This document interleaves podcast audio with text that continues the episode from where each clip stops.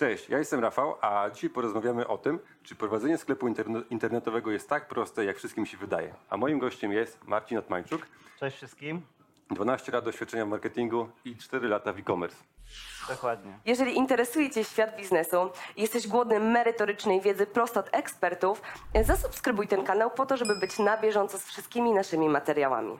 Marcin, jak mógłbyś y, opowiedzieć o sobie, czym się zajmujesz, jaka jest twoja specjalizacja, no i pójdziemy dalej w temat. Okej. To zaczynałem tak jak wszyscy chyba tutaj na Zbiro, e, czyli od jednoosobowej działalności.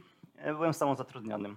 Aha, Wtedy to były czasy jeszcze, które teraz e, wspominam tak naprawdę z nostalgią, bo nie było na przykład narzędzi do kodowania stron internetowych, do tworzenia ich. Wszystko trzeba było kodować ręcznie. No to była taka fajna jakby dość przygoda.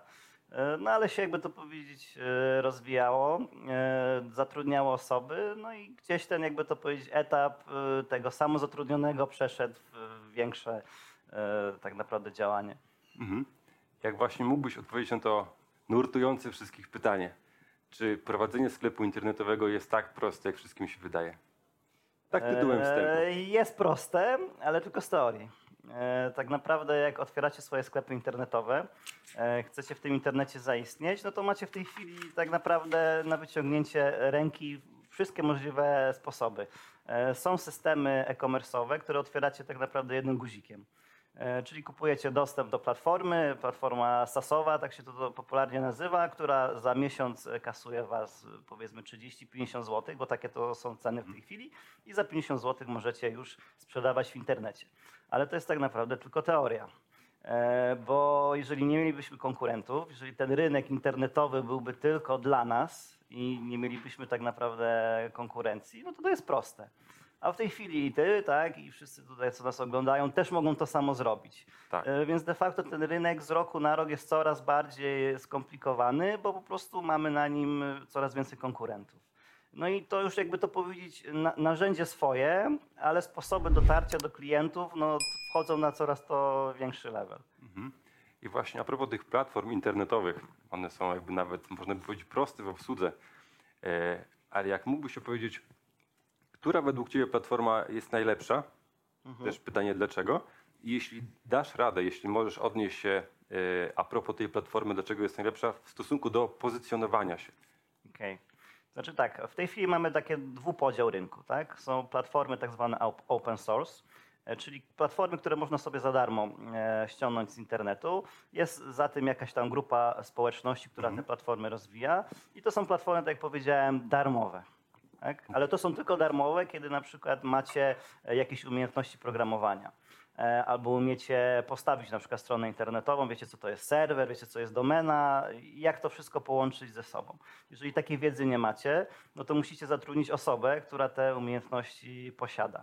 No i w tym momencie już to jakby to powiedzieć też się robi koszt, prawda? E, A po drugiej stronie są tak zwane platformy, już powiedziałem, sasowe, czyli jakiś producent e, na rynku dba o to, żeby ta platforma rozwijała się, e, była, nie wiem, e, obsługiwana tak, z nowymi funkcjonalnościami, jakieś na przykład, nie wiem, zabezpieczenia przeciwko, nie wiem, atakom hakerów były tam stosowane i za to też płacicie na przykład miesięczny abonament.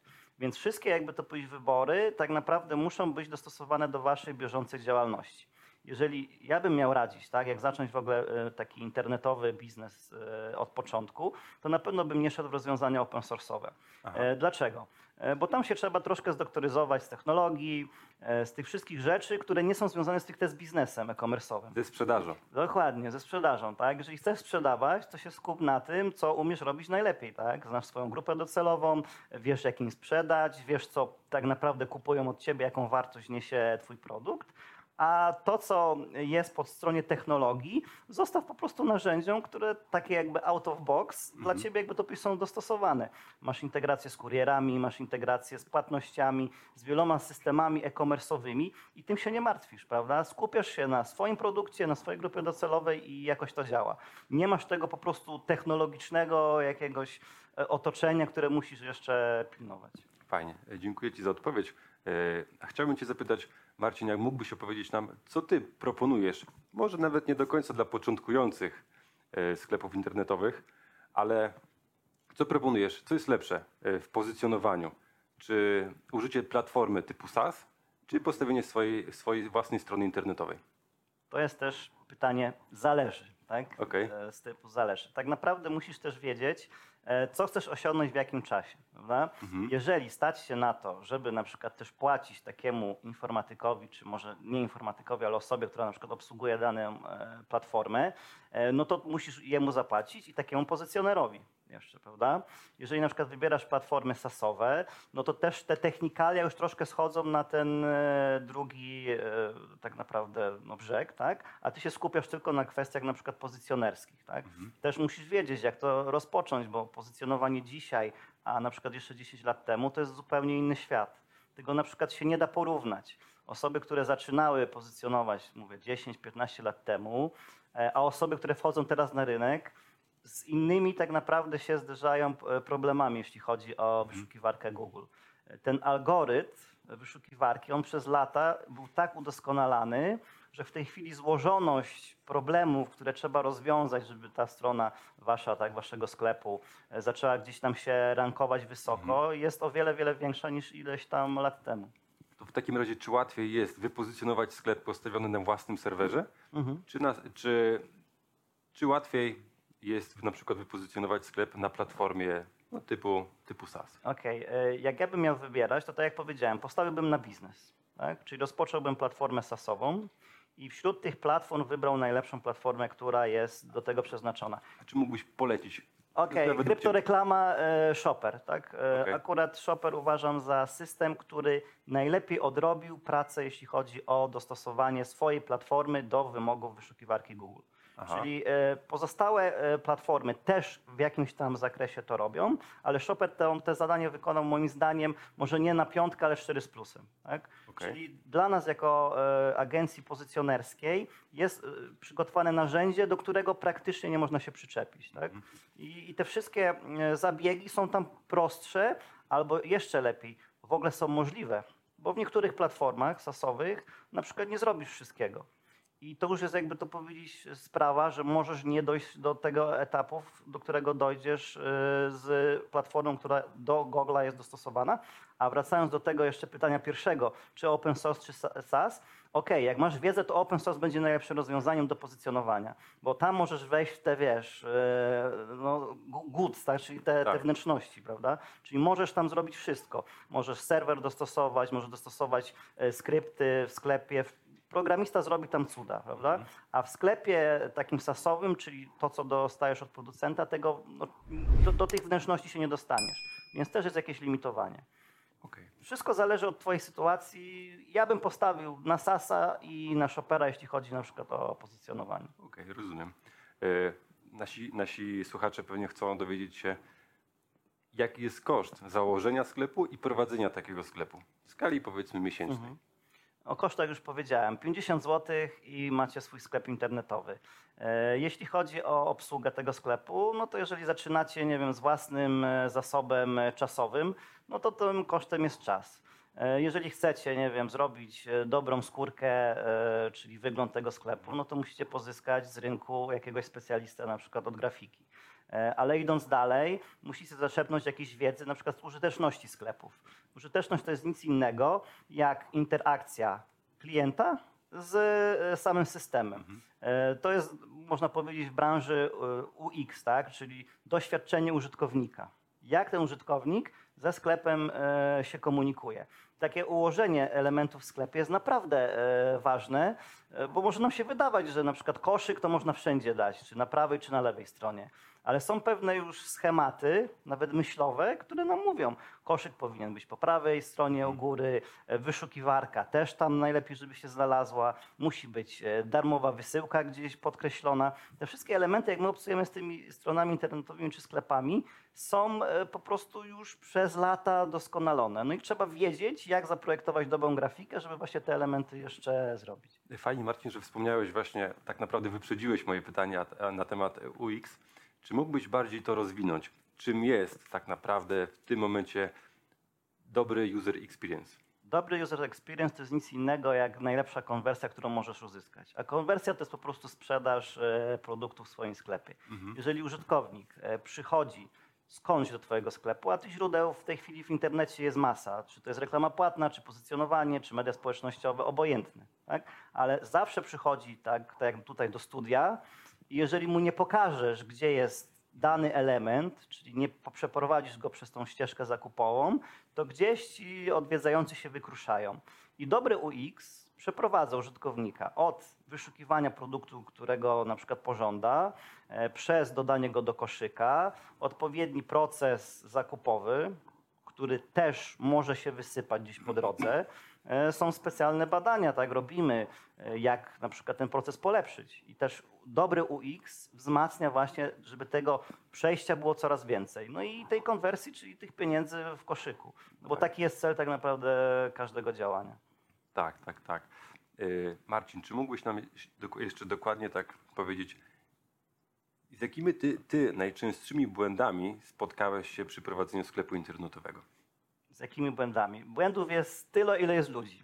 Mhm. Ale taki najczęstszy błąd to jest założenie, że jak coś się sprzedaje w internecie, to też u ciebie będzie się sprzedawać. Znaczy wchodzenie w taki ocean krwawy, takiej walki na przykład cenowej, zazwyczaj się nie kończy dobrze.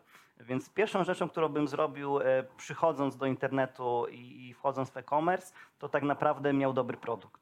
Mhm. E, Dobry produkt, który po pierwsze znam, który wiem też, że konkurencja nie ma na każdym rogu, e, że ja na przykład też się trochę specjalizuję w tym produkcie, czyli nie robię takiej masówki na zasadzie, jakbym to porównał, na przykład my sprzedajemy w sklepie swoim e, produkty dla dzieci, ale to są produkty wyselekcjonowane w ramach jakiejś takiej niszy. Czyli zrobiłbym, zrobiliśmy niszę i tak bym też radził wszystkim. Zróbcie swoją niszę.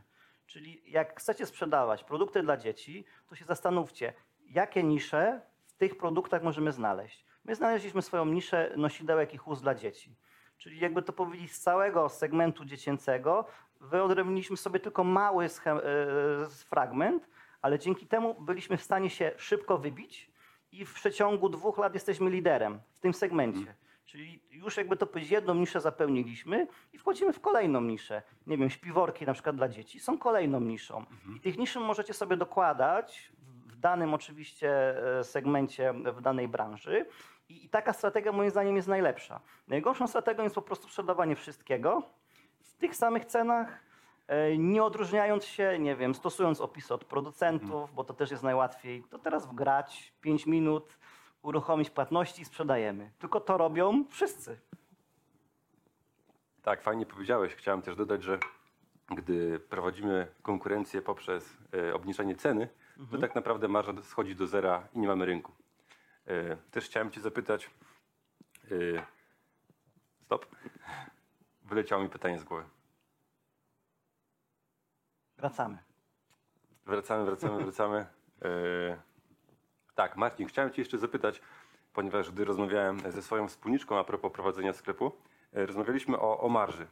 Czy Ty mógłbyś podpowiedzieć dla naszych słuchaczy, jaki produkt wybrać? Czy raczej wybrać produkt z segmentu droższego, gdzie ta marża jest wyższa, większa, gdzie mamy, mo, można by powiedzieć, większy margines popełnienia błędu, bo mamy jakby większą marżę, z której możemy, powiedzmy, bar, większy budżet przypalić na reklamę? Czy ty uważasz, że tani produkt szybciej można sprzedać i to jest łatwiejsze e, do rozpoczęcia naszej działalności w sklepie internetowym? E, Wychodzimy znowu od tego, gdzie mamy tych klientów. Mhm. Czy mamy zbudowany kanał sprzedaży? Jeżeli tego kanału nie mamy sprzedaży, bo na przykład nie mieliśmy jakiejś grupy, którą sobie budowaliśmy, jakiejś takiej społeczności, no to możemy robić tak naprawdę standardowe działania. A każde standardowe działania łączą się z jakimś kosztem. E, My w e, marketingu takim internetowym, czy w ogóle w e-commerce operujemy czymś takim jak COS, czyli Cost of Sales Okej. czyli koszt pozyskania tego klienta. E, Dla przykładu, reklama płatna liczona jest przez, przez kliknięcia i przez obsługę agencyjną, no bo ktoś to musi zrobić. I, i dopiero wtedy patrzymy, ile pozyskanie klienta nas kosztuje Okej. i ile tej marży e, z, zjada. E, Proste e, liczenie. Jeżeli ten koszt pozyskania klienta zbliża się do naszej marży, to znaczy, że mamy kłopot. Tak? Bo nie mamy tego jeszcze Buforu. buforu, którym gdzieś tam możemy działać. Więc ja, jak mam rekomendować w ogóle, które produkty w internecie sprzedawać, to bym znajdował produkty o najwyższej marżowości. To jest niby proste, e, ale też trudne do znalezienia, tak, żeby gdzieś e, to z rynku wyłuskać. E, Współpracując też z, firmami na przykład sprzedającymi w internecie, jeżeli na przykład widzę, że marża oscyluje w 3-5%, e, to jest po prostu zabójstwo.